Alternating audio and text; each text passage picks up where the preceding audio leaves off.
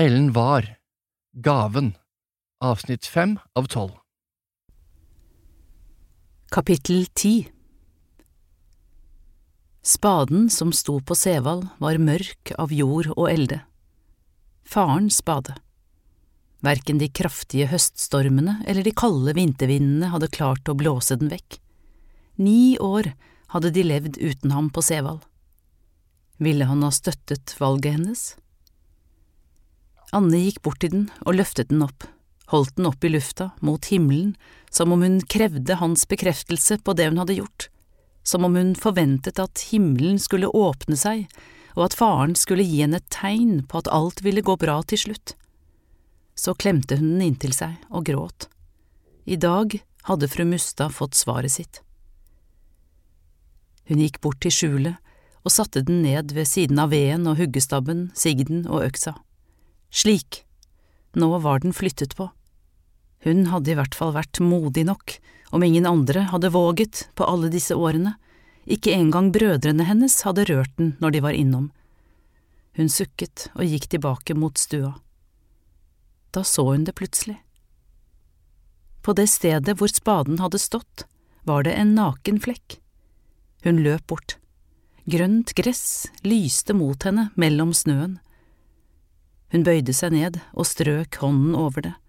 Så smilte hun. Opp mellom gresset sto en enslig liten kamille. Ikke reis, Anne! Hun løftet hodet og så inn i Kirstines blå øyne. De var så triste. Det hadde de vært helt siden brevet kom. Kirstine, som hadde så lyst sinn, virket mørk plutselig, nesten som moren. Om kvelden hørte hun henne gråte seg i søvn når hun trodde de andre var sovnet.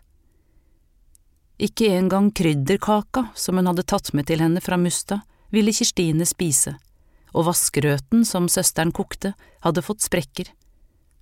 Anne ristet på hodet, skjøv tanken bort. Nå må du ikke bli kald, Kirstine, kom, så går vi inn. Nei, la oss stå her sammen.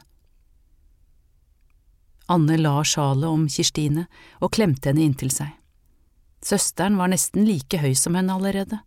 Det var nok ikke lenge før hun hadde vokst henne over hodet. Hva var det hun tenkte på? Hvordan kunne hun la henne være igjen her, på den bortgjemte, forblåste plassen alene? Hun måtte sørge for at søsteren holdt seg frisk, leste for presten og ble konfirmert, at hun holdt seg borte fra de grådige karene, de som drakk og sloss på midtsommerdansen. Det glitrer i snøen, sa Kirstine. Anne nikket og tvang fram et smil. Det er vakkert, ikke sant? Ta meg med.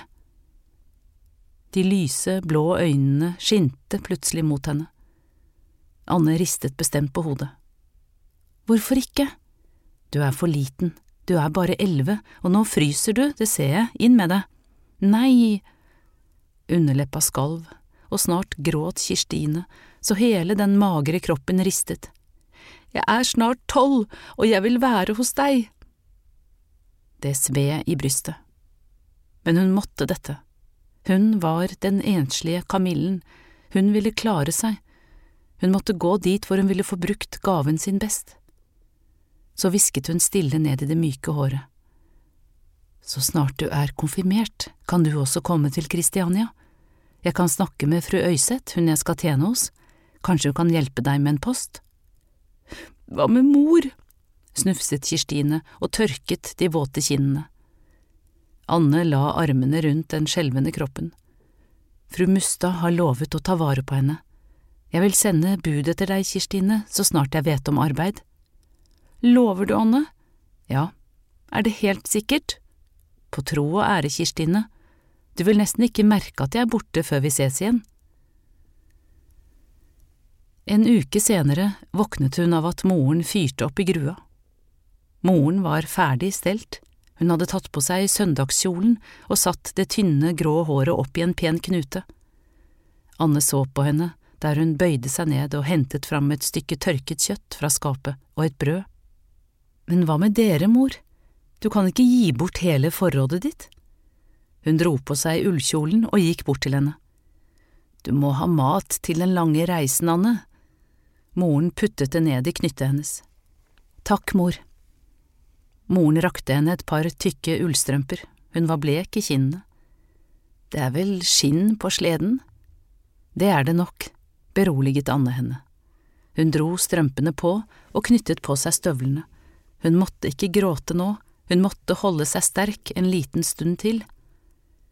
Du må ta vare på deg selv, Dane. Det er en stor by du kommer til, mange farer. Det lover jeg, mor. Det er vel gode mennesker du kommer til?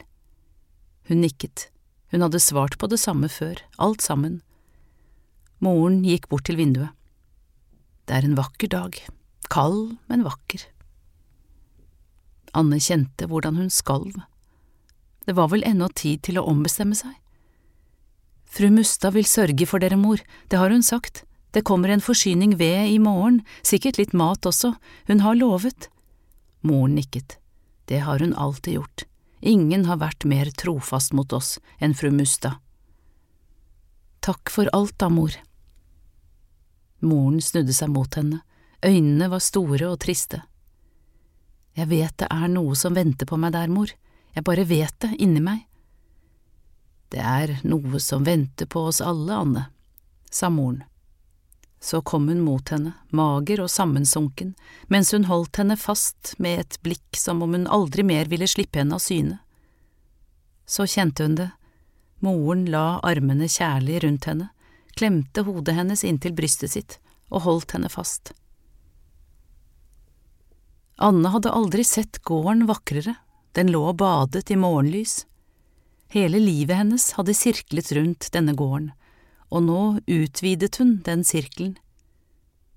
De var mange som vinket da sleden kjørte ut av porten. Hun hadde sett det mange ganger før, Hvert år når sleden var fullastet med varer, sto herr og fru Mustad, Ole og Tollef og tjenestefolket på gården og ønsket den lykke på reisen til det store Kristiania-markedet. Hun kikket febrilsk etter en sort lugg mellom alle menneskene. Ole og Didrik sto i første rekke. Hun tørket tårene med votten. Så hadde han altså ikke kommet. Sleden begynte å bevege på seg. Plutselig kastet Ole seg fram og fulgte den nedover jordene. Ole, ropte hun ned til ham, du må se til dem hjemme, det må du love meg. Hun fulgte ham med øynene, men da sleden passerte kirkegården hvor faren og søsknene lå begravet, var Ole borte.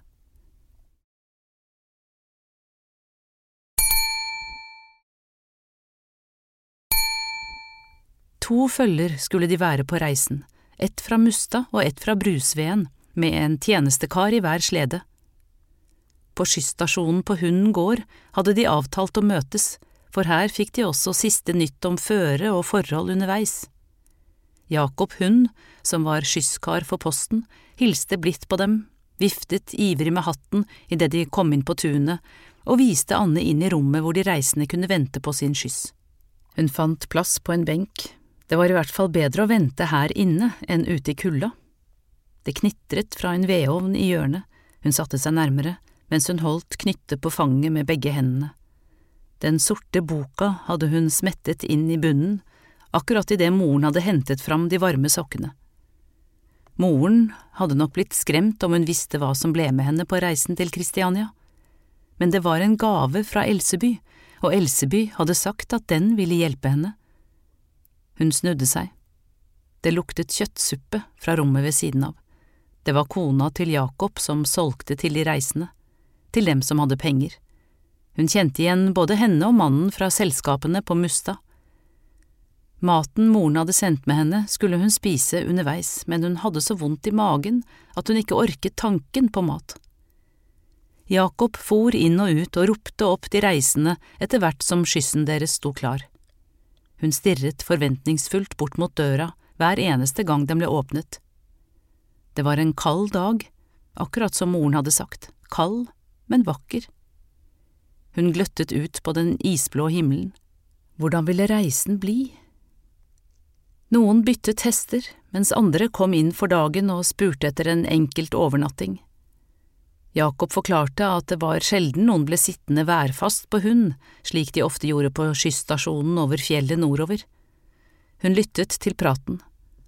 Mest var det karer der inne, Noen skulle den samme veien som henne til markedet i Kristiania, men de fleste var lastkjørere som fraktet kornvarer, skinn og redskap den motsatte veien, til et kopperverk høyt oppe på fjellet. Hun reiste seg for å gå ut, men i det samme åpnet døra seg, og Jons brune øyne lyste mot henne. Anne kastet seg fram mot ham. Sleden din er klar, sa han og kremtet. Jakob ba meg å si fra til deg. De gikk stille ved siden av hverandre over tunet. Sleden fra Brusveen sto oppstilt like ved siden av sleden fra Musta. Farvel, Jon, hvisket hun, og hørte selv hvordan hun skalv i stemmen. Jon hjalp henne opp. Du må ikke fryse. Han trakk skinnfellen godt over knærne hennes. Hun kunne se at han kjempet med gråten, han også. Så gled sleden ut av hund. Helt stille satt hun, til de begynte å klatre oppover Vardalsåsen. Noe hadde frosset fast inni henne. Først da de nærmet seg toppen, klarte hun å snu seg, og i et glimt så hun for seg landskapet om sommeren, når Vardal lå der med store, bølgende åkre og jorder, åkre som var gylne, og jorder som bar blomster og planter, og som hver og en var merket med Guds signatur og bakenfor skimtet hun lave, skogkledde åser med elver og bekker. Men nå var det vinter, med snø på marken og is på vannene. Skulle hun ikke være her når alt begynte å spire og gro igjen? Del to Nøkkerosen Kapittel 11 Kristiania, februar 1841 Grå snø sprutet oppover sledene idet de gled inn i byen. Små barn i fillete klær løp ved siden av, skitne og magre, med utstrakte hender. Var dette Kristiania? Hjemme var denne tiden på dagen tindrende klar og blå, og snøen lå som kritthvite tepper over jordene. Her, i de trange gatene mellom små, tjærebrune hus, virket alt bare tåkete og grått. Snøen var ikke engang snø, men is og slaps. Barna måtte være gjennomvåte og minst like kalde som henne. De sto i en rekke av sleder den siste biten fram til Stortorvet. Først nå oppdaget Anne kvinner i noen av de andre sledene. Var de ute i samme ærend som henne? Hadde de også fått post hos en fin familie? De hadde reist over Vardalsåsen, Land og Randsfjorden gjennom skoger og over vann hun aldri før hadde sett. Overnattet på en skysstasjon hadde hun også gjort, for aller første gang, bare karer hadde det vært, også henne. Tjenestekaren fra Musta hadde holdt et vaktsomt øye med henne, han hadde nok fått sine instrukser fra fru Musta. Anne hadde lagt seg tidlig, men det kjentes som hun knapt hadde fått blund på øyet likevel. Perleøredobber, fløyelskjoler, røde lepper og slanke, hvite hender hadde tumlet rundt i hodet hennes og blandet seg med latter og skrål der nede fra matsalen. Og hele tiden hadde bildet av Kirstine ligget der så stille i bakgrunnen. Til slutt hadde hun nok sovnet likevel, for da hun slo øynene opp, trodde hun at hun var hjemme på Sevald og skulle til å legge armen beskyttende om lillesøsteren. De hadde ligget tett sammen vinterstid for å holde varmen, akkurat som hun hadde gjort med Karen før hun giftet seg. En dag skulle hun sende bud på lillesøsteren. Tanken på at hun kunne hjelpe Kirstine varmet, men det var bare i hjertet, hun frøs så tennene klapret nå, hun hostet og dro skinnfellen opp mot brystet. Det var nok den første reisedagen som hadde gitt henne den slemme hosten. Hele dagen hadde det snødd tett, og hun var blitt både våt og kald. Ikke før de hadde klatret oppover den bratte krokkleiva den tredje dagen, kom sola. Den hadde skint så deilig på henne, varmet henne, mens de gled gjennom krokskogen og inn gjennom Lommedalen. Snøen lå tung på trærne, himmelen hadde et lyserødt skjær, og bitte små snøfnugg blinket så blidt, som om de ønsket henne lykke på reisen. Men snevet av lykke var blitt borte med sola, bena var som is, fingrene også, og nå klarte hun ikke å glede seg det minste lenger, nå som hun var like ved å være framme. Hun følte mer for å gråte. Tjenestekaren fra Mustad hadde nok fanget opp mismotet hennes, for han dro fram en flaske fra innerlomma og rakte henne. Hun smilte takknemlig, men ristet på hodet og festet blikket på en mann i en lang frakk og høye støvler med en tine i hånda. Han gikk med bestemte skritt i samme retning som sledene. Barna som hadde fulgt dem, flokket seg om ham i stedet, og glemte visst sledene et øyeblikk men han viftet dem bare bort som brysomme fluer. På nytt var de oppe på siden av dem. Var det her, i disse husene, barna bodde? Mellom husene lå trange og skjeve uthus og en og annen stall, uten verken lys eller luft mellom. Det virket uslere her enn på noen husmannsplass hun hadde sett, det stinket som en blanding av fjøs og råtten fisk overalt. Anne holdt hånda for munnen og svelget hardt noen ganger. Var det ingenting godt å feste blikket på i denne byen? Da hun så opp igjen, oppdaget hun et kirkespir. Var dette Vår Frelsers kirke, der frøkenen hadde giftet seg med onkelen sin? Sleden gjorde et rykk. Nå var de nok snart framme, for kirken lå visst der markedet skulle være.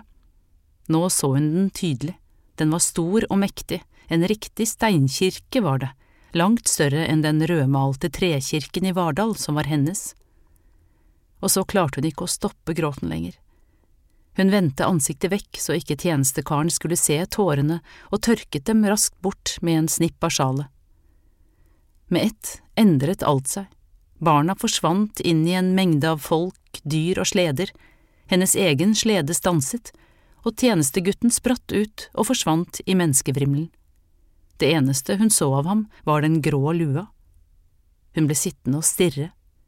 Alt var akkurat slik som hun var blitt forklart. Nei, ikke akkurat, det var mye mer, mye større.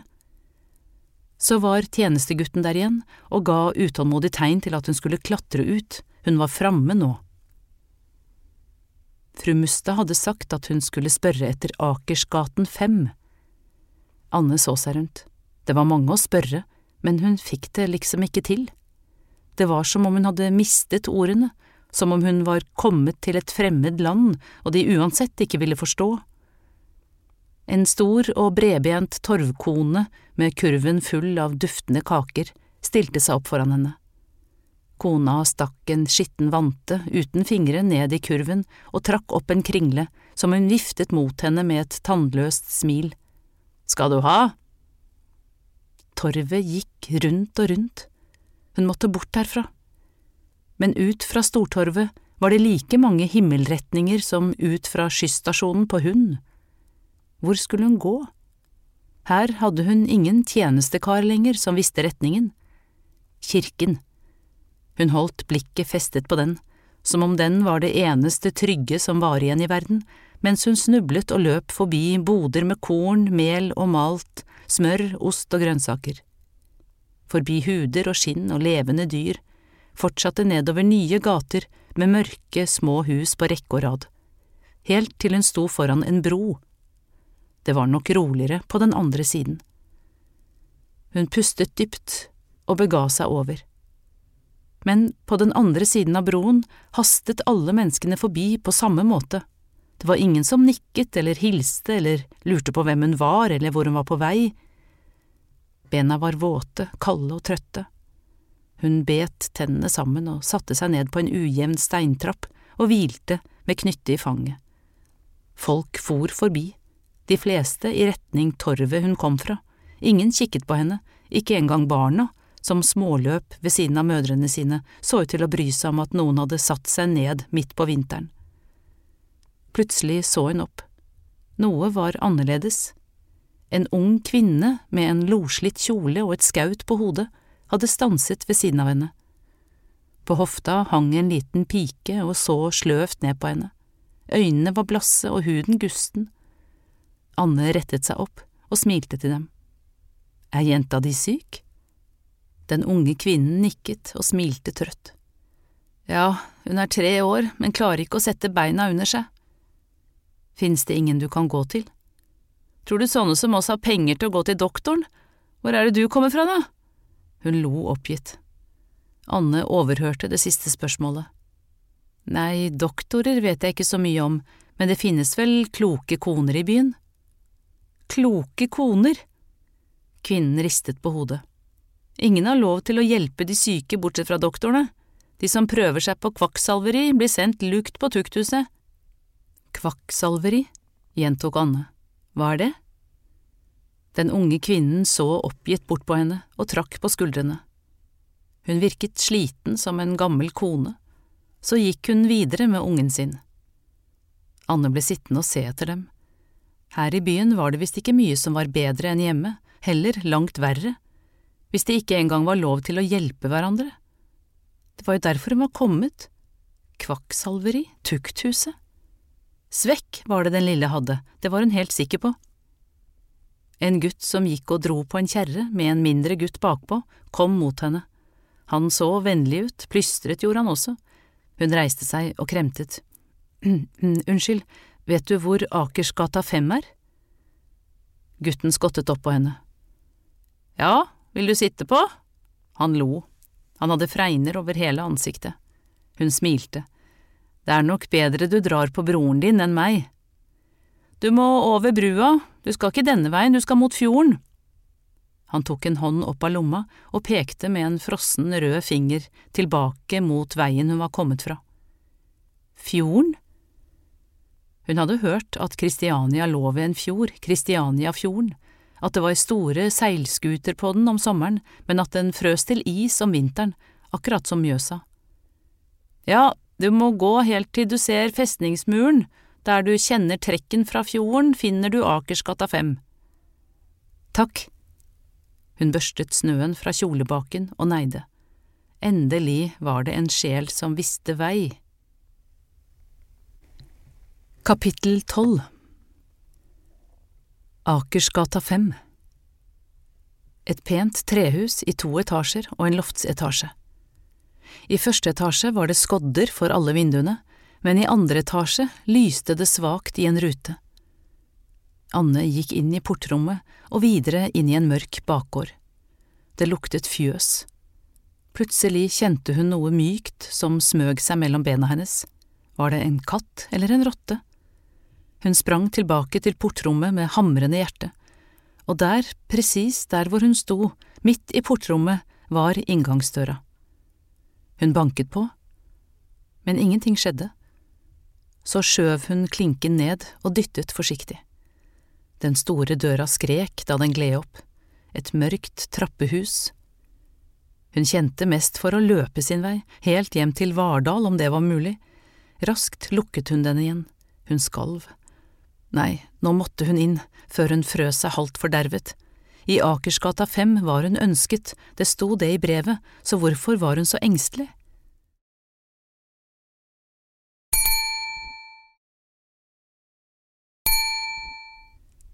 Da øynene hadde vent seg til mørket innenfor, oppdaget hun et skilt. Hun bøyde seg fram, la en finger under bokstavene og stavet Herman Øyseth gullsmedverksted. Det måtte være døra inn til værelset som hadde skodder for. Hallo? Noen ropte fra etasjen over, det måtte være fru Øyseth. Hallo, svarte Anne spakt og gikk sakte oppover trappetrinnene. På avsatsen sto fru Øyseth og ventet på henne med et lys i hånda. Så det var deg. Neimen, kjære deg, hvordan er det du ser ut? Hun neide og slo blikket ned. God kveld. Går du ute midtvinters så tynnkledd? Du må jo være gjennomfrossen, kom inn i entreen, da. Fru Øyseth vinket henne inn. I det varme skinnet fra stearinlyset så hun henne klarere. Ansiktet var gyllent, det kastanjebrune håret festet mykt bak på hodet. Leppene var fremdeles røde som georginene til fru Mustad. Kjolen var av dyperød fløyel denne gangen men perlene som hang fra ørene, var de samme som da hun besøkte Musta. Men det var først her, da hun sto innenfor, at Anne virkelig innså hvor fattigslig hun selv måtte virke. Det var akkurat som hun så forskjellen mellom dem med Karens kritiske blikk. Hun bøyde hodet, luktet gjorde hun visst også. Rundt skuldrene hadde hun sjalet hun hadde bredt over seg om natten på reisen, Det var fortsatt rester av halm i det. Støvlene var våte, og den ene manglet både lisser og såle. Sålen måtte ha falt av et sted på veien, og nå klarte hun kanskje aldri å finne den igjen. Kjolen hadde en stor flenge i den ene siden. Den hadde hektet seg fast i sleden da hun gikk av på skysstasjonen. Raskt samlet hun sammen ullstoffet med den ledige hånda.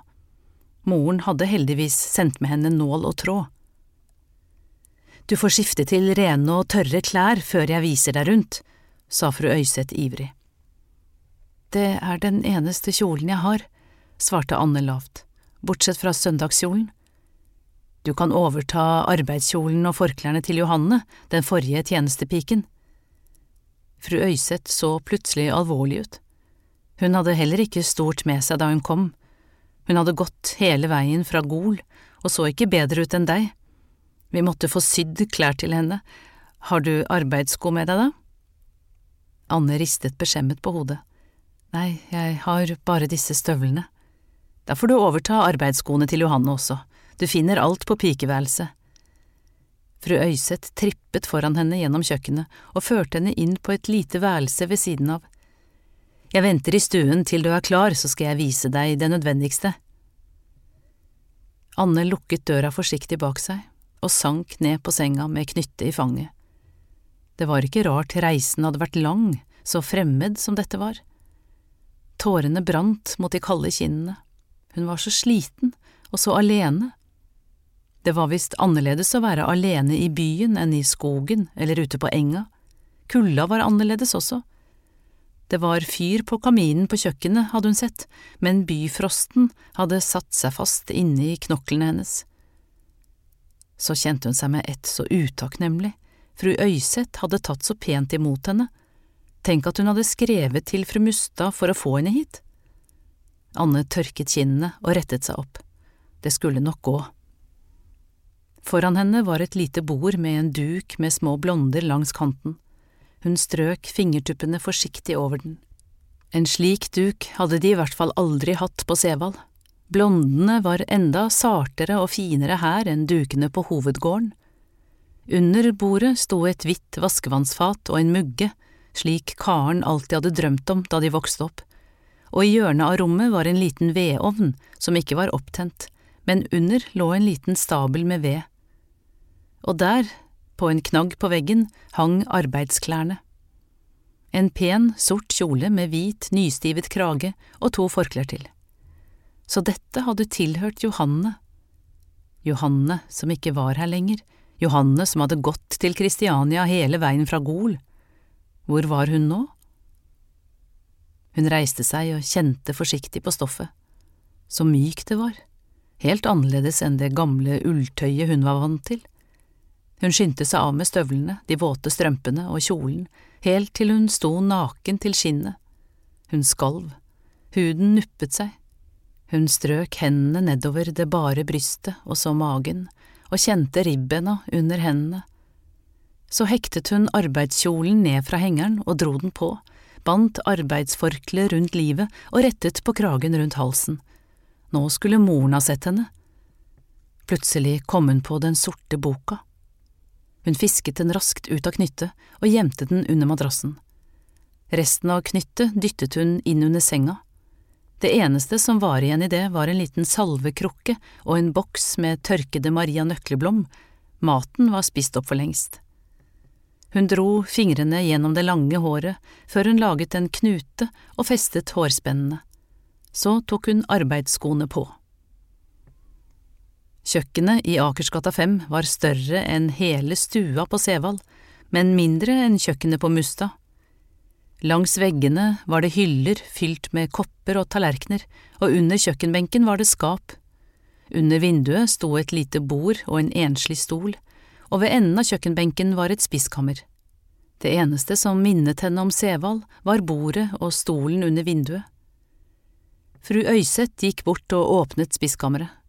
Anne trakk pusten dypt og dro inn en blanding av kanel, sukker, nellik, pepper og andre ubestemmelige krydderier. Oppgaven din, Anne, er å holde huset rent og ryddig, lage mat og servere, og så må du handle inn de dagene jeg ikke går ut. Fru Øyseth smilte til henne. Ja, fru Øyseth. Anne neide og kjente plutselig hvordan det knøt seg i magen. Hun jobbet gjerne hardt, det var ikke det, men hun visste jo ingenting om hvordan det var å være tjenestepike i byen. Hun visste ikke så mye om det å være en tjenestepike på landet heller, forresten, grovpike var det hun var, en som skuret gulv og vasket klær. Dette er din inngang. Fru Øyseth pekte på en smal dør i motsatt ende av spiskammeret. Den går ned til bakgården og bryggerhuset. Bud som leverer varer eller andre tjenestefolk må også gå denne veien. Hovedinngangen er for min mann og meg, og for gjester. Kinnene brant. Så hadde hun altså gått feil. Men fru Øyseth virket aldeles ikke streng. Hun smilte fremdeles mens hun pekte på vedovnen innerst i hjørnet. Om vinteren må du opp klokken fem, for da må du fyre. Huset skal være varmt før vi står opp. Ved henter du i skjulet i bakgården.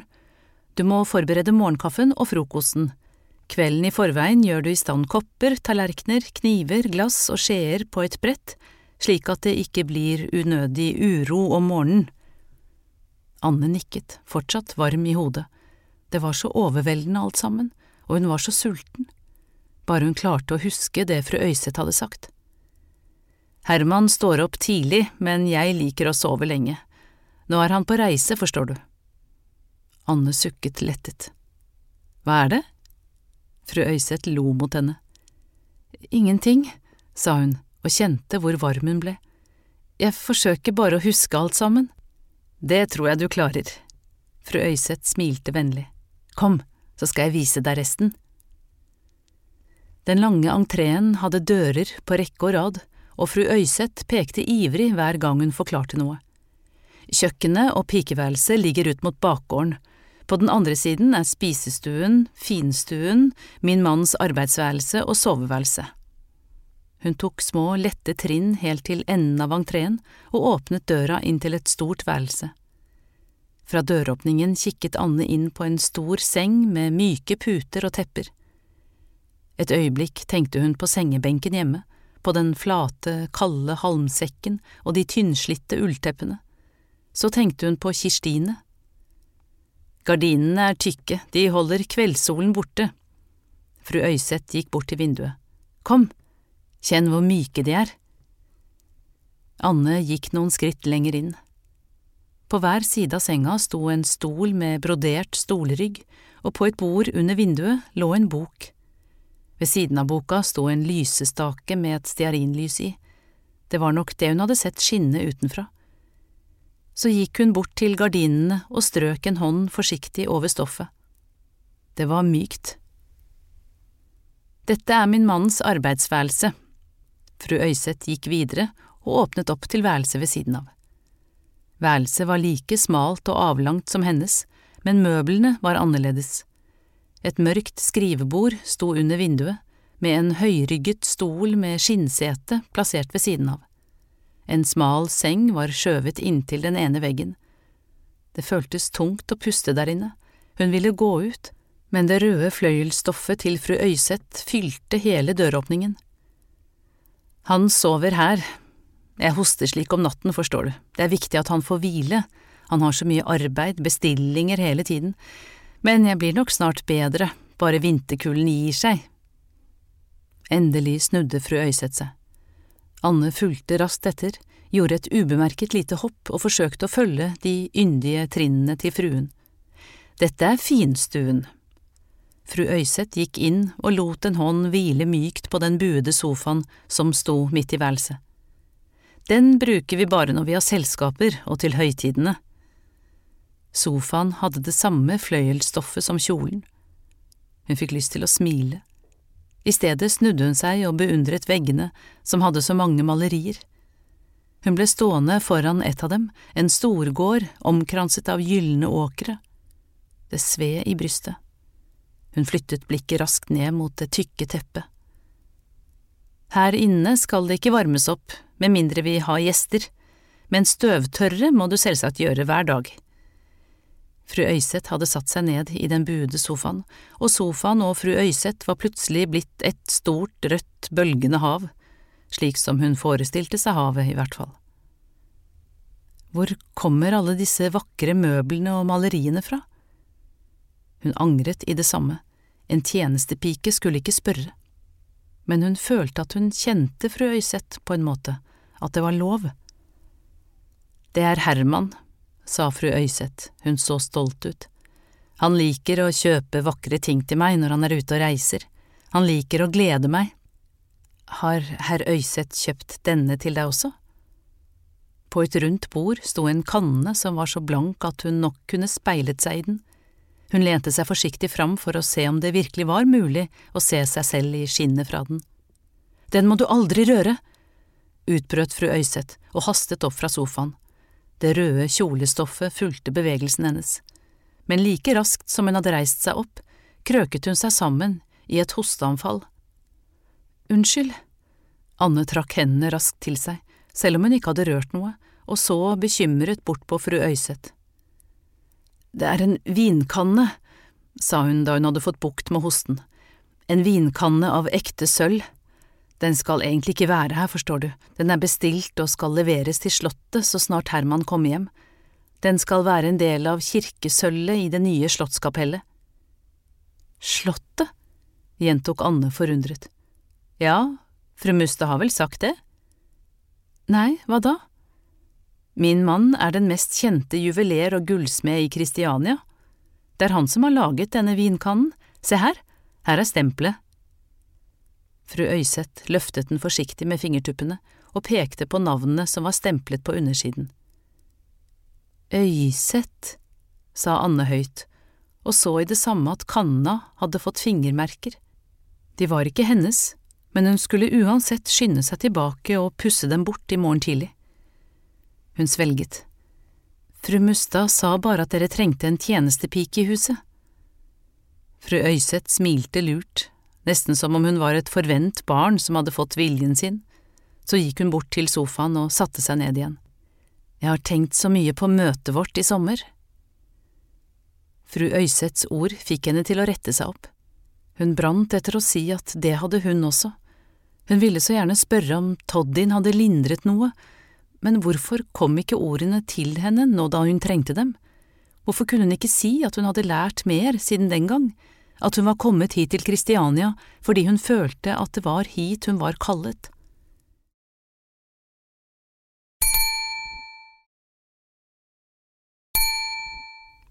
Jeg har tenkt så mye på det du sa om gleden, fortsatte fru Øyseth mens øynene glødet, at Gud har gitt oss gaver som vi må være tro mot, og at det er der gleden er.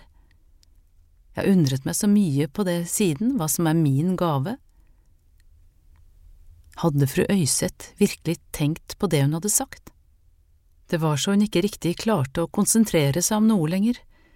Anne fulgte etter henne inn i spisestua. Vi ringer i denne når måltider skal serveres, Fru Øyseth løftet opp en bjelle, like skinnende som vinkanna. Den hadde sin plass i midten av et ovalt spisebord med åtte høyryggede stoler rundt. Hver morgen når jeg står opp, snakker vi to om hva du skal handle inn og lage til middag. Hvis vi skal ha gjester, skal du nok få beskjed tidligere, skjønt det er ikke ofte vi inviterer. Det siste så det ut som om hun sa mest til seg selv. Så ringlet hun med bjellen så det sang i lysekronen mens hun lo Formiddagsmaten tar vi lett på her i huset. Herman spiser ofte nede i verkstedet, og jeg kan bare få et brett inn i dagligstuen. Et kokt egg, litt brød og marmelade, te, noe slikt. Anne kjente seg plutselig så svimmel, ør i hele kroppen. Hun hadde trodd at det var sulten som rev henne i kroppen, og at det var den som gjorde henne så uvel. Hun hadde ikke spist siden tidlig på morgenen, men det var ikke bare det. Hun forsto det nå, det var frykten som hadde tatt henne. Hun kunne ikke lage annet enn den enkleste husmannskost. Engstelig så hun seg rundt. Hun måtte finne noe å feste blikket på, noe som kunne gjøre henne trygg. Hun kikket ut av vinduet. Der ute måtte det være noe som beskyttet henne, noe som var større enn henne selv, større enn fru Øyseth og hele Kristiania. Fullmånen nå så hun den, den samme klare månen som lyste opp Sevald. Hun var kommet hit til Kristiania fordi hun hadde en oppgave å gjøre, fordi hun var kallet. Hun kunne ikke la seg skremme av litt matlaging. Hun skulle klare det, og så ville hun finne sin vei, akkurat som Elseby hadde sagt. Kapittel 13 Fru Øyseth hadde forklart henne veien til vannposten. Du går til enden av Akersgaten mot festningsmuren og nedover Rådhusgaten et kort stykke. Der er Kristiania Torv. Vannposten finner du like utenfor det gamle rådhuset. Det er kort vei. Du er heldigere enn de fleste. Hun trakk sjalet tett opp mot ansiktet. Det var ikke bitende kaldt som hjemme, men en rå trekk kom inn fra fjorden og fikk henne til å hutre. Den gikk gjennom marg og ben. Hjemme hadde morgenene vært så stille og lufta så ren og klar. Her var alt annerledes, luktene, lydene, lyset. Når hun sto utenfor Akersgata 5, så hun ikke annet enn raden med hus og festningsmuren ved enden. Den blå himmelen var det eneste som minnet henne om morgenene på Sevald, bortsett fra at her så hun bare en flik av den. En slede passerte idet hun rundet hjørnet av Rådhusgata. Hun hadde ikke trodd at det skulle være et eneste menneske, annet enn henne, som kom til å være ute på denne tiden. Før hun gikk, hadde hun fyrt opp i ovnen på kjøkkenet, og mens varmen bredte seg, hadde hun funnet fram brød, ekte brød, fra spiskammeret, og spist seg mett. Det skulle moren og Kirstine ha visst. Så kom den vonde klumpen i halsen igjen. Forgjeves forsøkte hun å svelge den bort. Tre piker sto foran vannposten, hun så dem på avstand. Alle tre snudde seg og stirret nysgjerrig på henne da hun nærmet seg. Den ene var langt eldre enn henne, mens de to andre måtte være ganske unge. Hun ville ikke stirre tilbake, men det skulle ikke mange øyekast til for å skjønne at de var tjenestepiker, akkurat som henne. Alle hadde de mørke kjoler med hvite, nystivede krager rundt halsen, sorte forklær og tykke sjal bundet om skuldrene, og i hver hånd en tom sinkbøtte. Hun stilte seg opp bak dem, ventet på tur. De måtte komme fra helt forskjellige plasser, for alle snakket forskjellig. Det virket i hvert fall som om de ikke hadde sett hverandre på lang tid, så mye som de hadde å fortelle hverandre. Akkurat det var ikke så veldig annerledes fra hjemmet. Det var denne praten Karen alltid gledet seg til når hun gikk til tjeneste på Mustad, og som hun selv hadde forsøkt å slippe unna. Karen ble like oppglødd av sladderen som Anne ble trøtt av den. Hun visste at det var noen som trodde at hun var overlegen fordi hun holdt seg unna. Karen hadde ofte nok minnet henne om det. Men her kjente ingen henne som den stillferdige Anne, som likte å streife rundt for seg selv ute på slettene og i skogen. Her var hun fri til å bli en annen. Hei, jeg heter Anne, sa hun lavere enn hun hadde tenkt, men de hørte henne visst. Guro fra Valdres, sa den eldste. Sofie fra Hadeland. Åse fra Arendal. Hvor kommer du fra, da? Guro så på henne. Vardal, svarte hun og rettet seg opp i ryggen. Det vakreste stedet på jord, la hun til og smilte. Det er det vel ikke, sa Åse, det er Arendal, det. Nei, det er Valdres, det, sa Guro bestemt. Hørt på maken, ingen av dere har visst vært på Hadeland, sa Sofie. De andre lo, og Anne passet på å le med. Men hun hadde kjørt slede gjennom Hadeland, hun visste hvordan jordene bølget seg gjennom dalen og snøen lå mykt over grantrærne. Hun hadde til og med sett en stor flokk med rådyr over Randsfjorden, men det sa hun ikke, praten var allerede gått videre til noe annet. Det er altfor mye å gjøre, klaget Guro. Frua er så streng at det ikke er til å holde ut. Det er det samme her, sa Åse. Hvor jobber du da, Anne? I Akersgata 5, hos herr og fru Øyseth. Guro satte hendene i siden og gransket henne. Jaså, så det er du som har tatt over plassen til Johanne? Hun pustet dypt og skulle til å spørre om hvorfor Johanne hadde flyttet så raskt. Det virket som de visste svaret her men plutselig sluttet en ny tjenestepike seg til flokken, og alle vendte seg mot henne i stedet. Og like raskt glemte hun hele Johanne, for piken minnet henne slik om Karen, selv om både fargene og skikkelsen var annerledes. Hun var ikke særlig høy, kroppen var spedbygd, og uttrykket i ansiktet vennlig, så det var noe annet, noe i øynene, en fasthet kanskje, eller en kampvilje. Jeg heter Anne, sa hun og neide. Hanna her, sa den nyankomne. Så snudde hun seg mot de andre jentene med et bredt smil. Dere, jeg har fått jobb hos skomakeren. Så fint, Hanna, utbrøt Sofie. Jeg har ikke hatt fast arbeid som de andre, jeg, forstår du. Igjen snudde hun seg mot Anne. Festekontoret vil ikke vite av meg, jeg er Kristiania-jente, og den vil bare ha bondejenter å leie ut. Vi som er født og oppvokst i denne elendige byen, har dem ingen tru på, men vi jobber like hardt, vi, som de andre. Fruene vil bare ha jenter fra landet, sa Guro. Mennene også. Åse satte hendene i siden og så freidig bort på henne. Du vet kanskje ikke at den vakre frua di har giftet seg med onkelen sin? Hvordan vet du det? ramlet det ut av vannet. Sladret de om det? Et øyeblikk kjente hun seg fornærmet på fru Øyseths vegne. Fordi Johanne sa det. Hun kom til vannposten hver eneste dag, akkurat som deg, helt til hun måtte slutte. Måtte hun slutte? Hun skulle til å spørre hvorfor, men i det samme skramlet en kjerre forbi, og gutten som trakk den, plystret og lo mot dem. Jentene kniste, og så begynte de endelig å fylle bøttene sine. Anne hastet hjemover, lengtet etter å sette seg på det varme kjøkkenet og tenke gjennom alt hun hadde opplevd denne morgenen. Vent! Ropte en stemme. Hun snudde seg og så Hanna i raske skritt etter henne. Bøttene dinglet fram og tilbake så vannet skvulpet over. Vi kan gå sammen, skomakeren holder til øverst oppe i Akersgata. Hanna var kommet helt opp på siden av henne nå. Anne nikket, prøvde å komme på noe å si. Hvorfor gikk du bare? Jeg må tilbake, det er min første dag. Hanna kastet et skrått blikk på henne. Du skal ikke bry deg om alt tullpratet, dem er bra jenter, når du først blir kjent med dem. Hun nikket igjen og ville gå videre, men Hanna satte bøttene ned på bakken. Hun ble stående og holde sine. De var tunge, hankene skar inn i håndflatene hennes. Men jeg har nå også hørt et og annet om familien din, da, dem du tjener hos, mener jeg. Johanne var ikke akkurat den som snakka minst rundt vannposten. Det siste jeg hørte, var at frua bodde i huset sammen med herr Øyseth i hele fem år før de gifta seg. Jo, det kunne kanskje stemme, han var jo vergen hennes sist sommer da de var på Musta. Anne tok bedre grep og gikk videre. Hanna halset etter, snart var det visst ikke vann igjen i bøttene hennes slik som de skvulpet.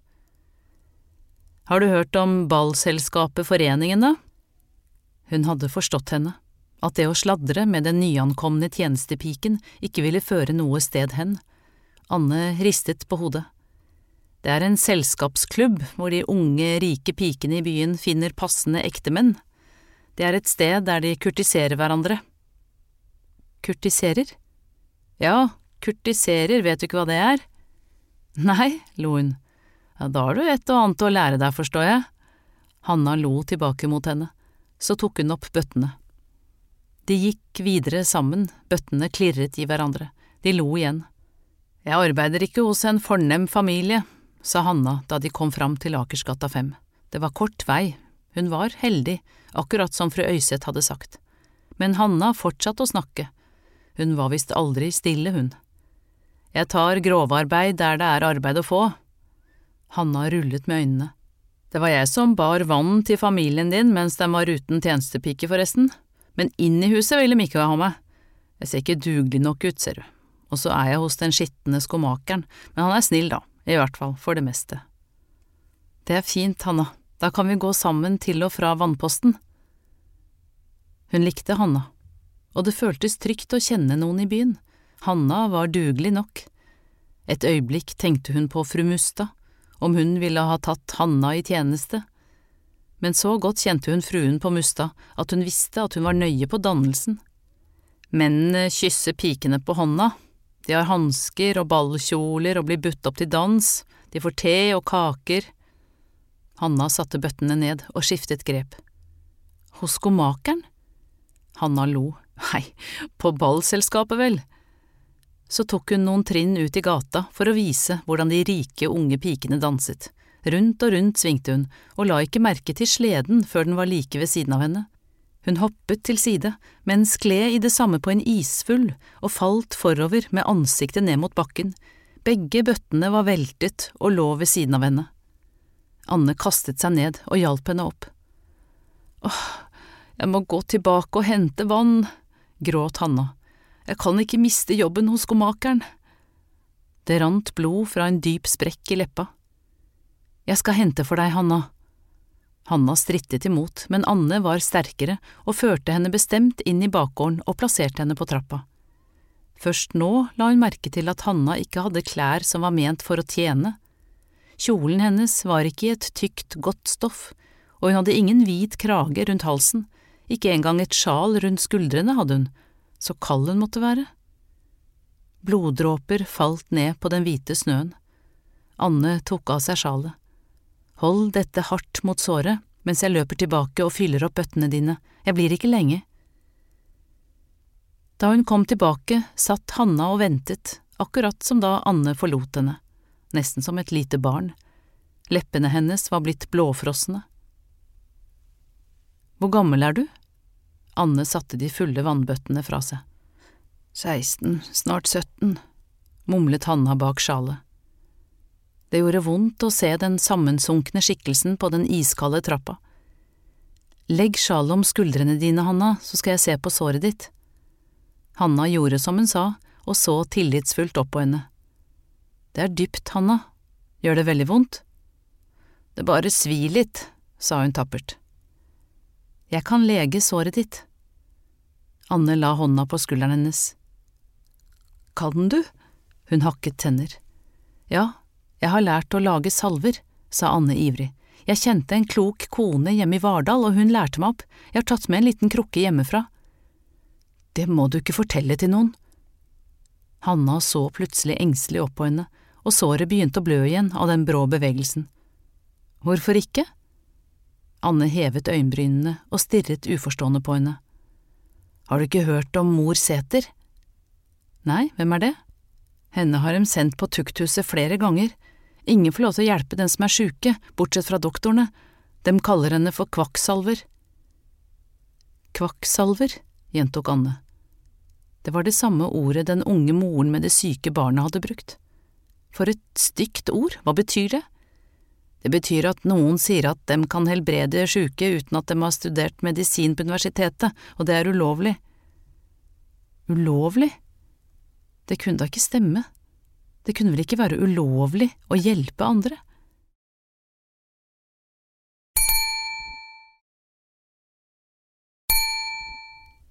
Elseby ble aldri truet med straff annet enn fru Mustads vrede. Anne kjente at det kokte inni henne. Hun hadde lyst til å forsvare mor Sæter, selv om hun ikke kjente henne. Hvem hadde egentlig laget de reglene? De som hadde laget dem, kunne i hvert fall ikke kjenne de klokes hemmelighet. Jeg har lært å helbrede Hanna med planter, sa hun innstendig. Jeg vet at det går an, du må stole på meg. Men vi må ikke si det til noen. Hannas blikk møtte hennes. Det blir verst for deg i hvert fall. Det knøt seg i brystet. Hadde hun tatt så feil av veien hun skulle gå, da hadde det vel vært bedre å bli hjemme i Vardal. Anne løp opp baktrappa og listet seg fra kjøkkenet og inn på pikeværelset. Der la hun seg ned på knærne og fisket fram knyttet fra under senga. Hun trakk fram den lille krukken, åpnet lokket og duftet.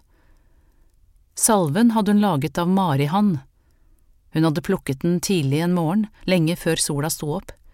Det var en god plante for å hele et sår, men også for å lindre et sorgtungt hjerte.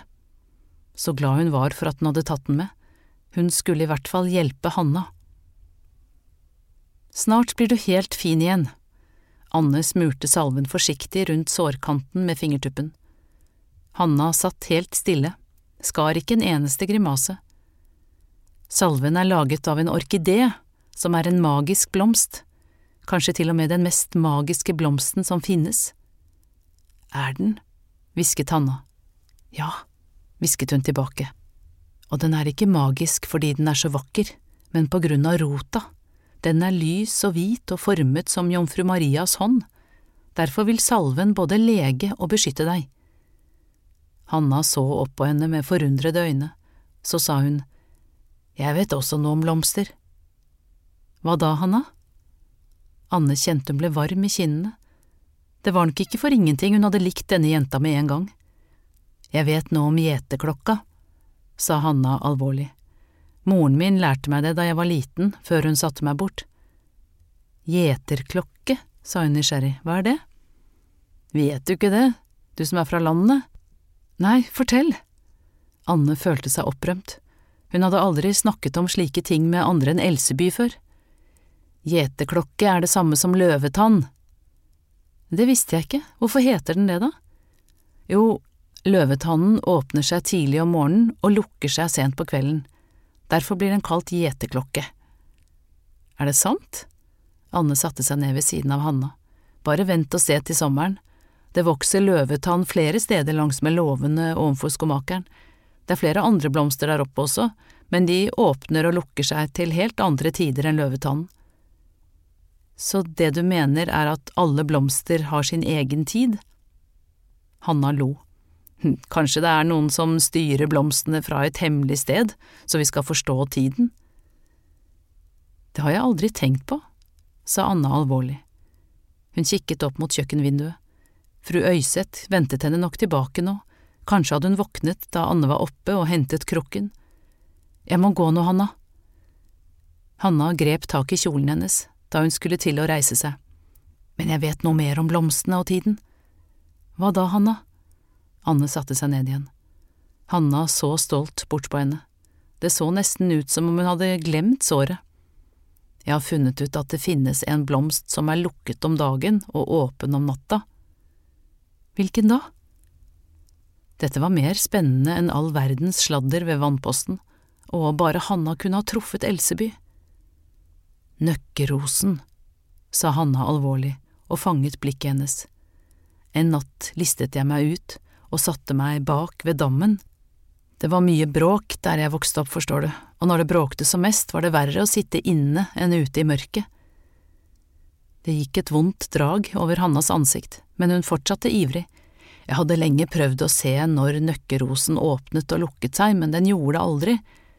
Men da jeg satte meg ned i mørket, midt på natta, oppdaga jeg at nøkkerosen var åpen.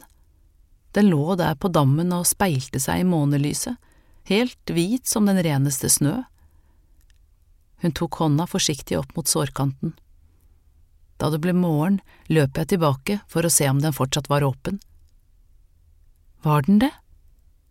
Det sitret i kroppen hennes, som om hun skulle til å bli innviet i den aller største hemmelighet. Nei, den var lukket. Hanna satte seg enda tettere inntil henne, men neste natt listet jeg meg ut på nytt for å se om det samme skjedde, og da den åpnet seg igjen, var den lyserød. Lyserød. Anne smakte på ordet. Så lukket hun øynene hun så for seg nøkkerosen som speilte seg i månelyset. Noe måtte ha forvandlet den.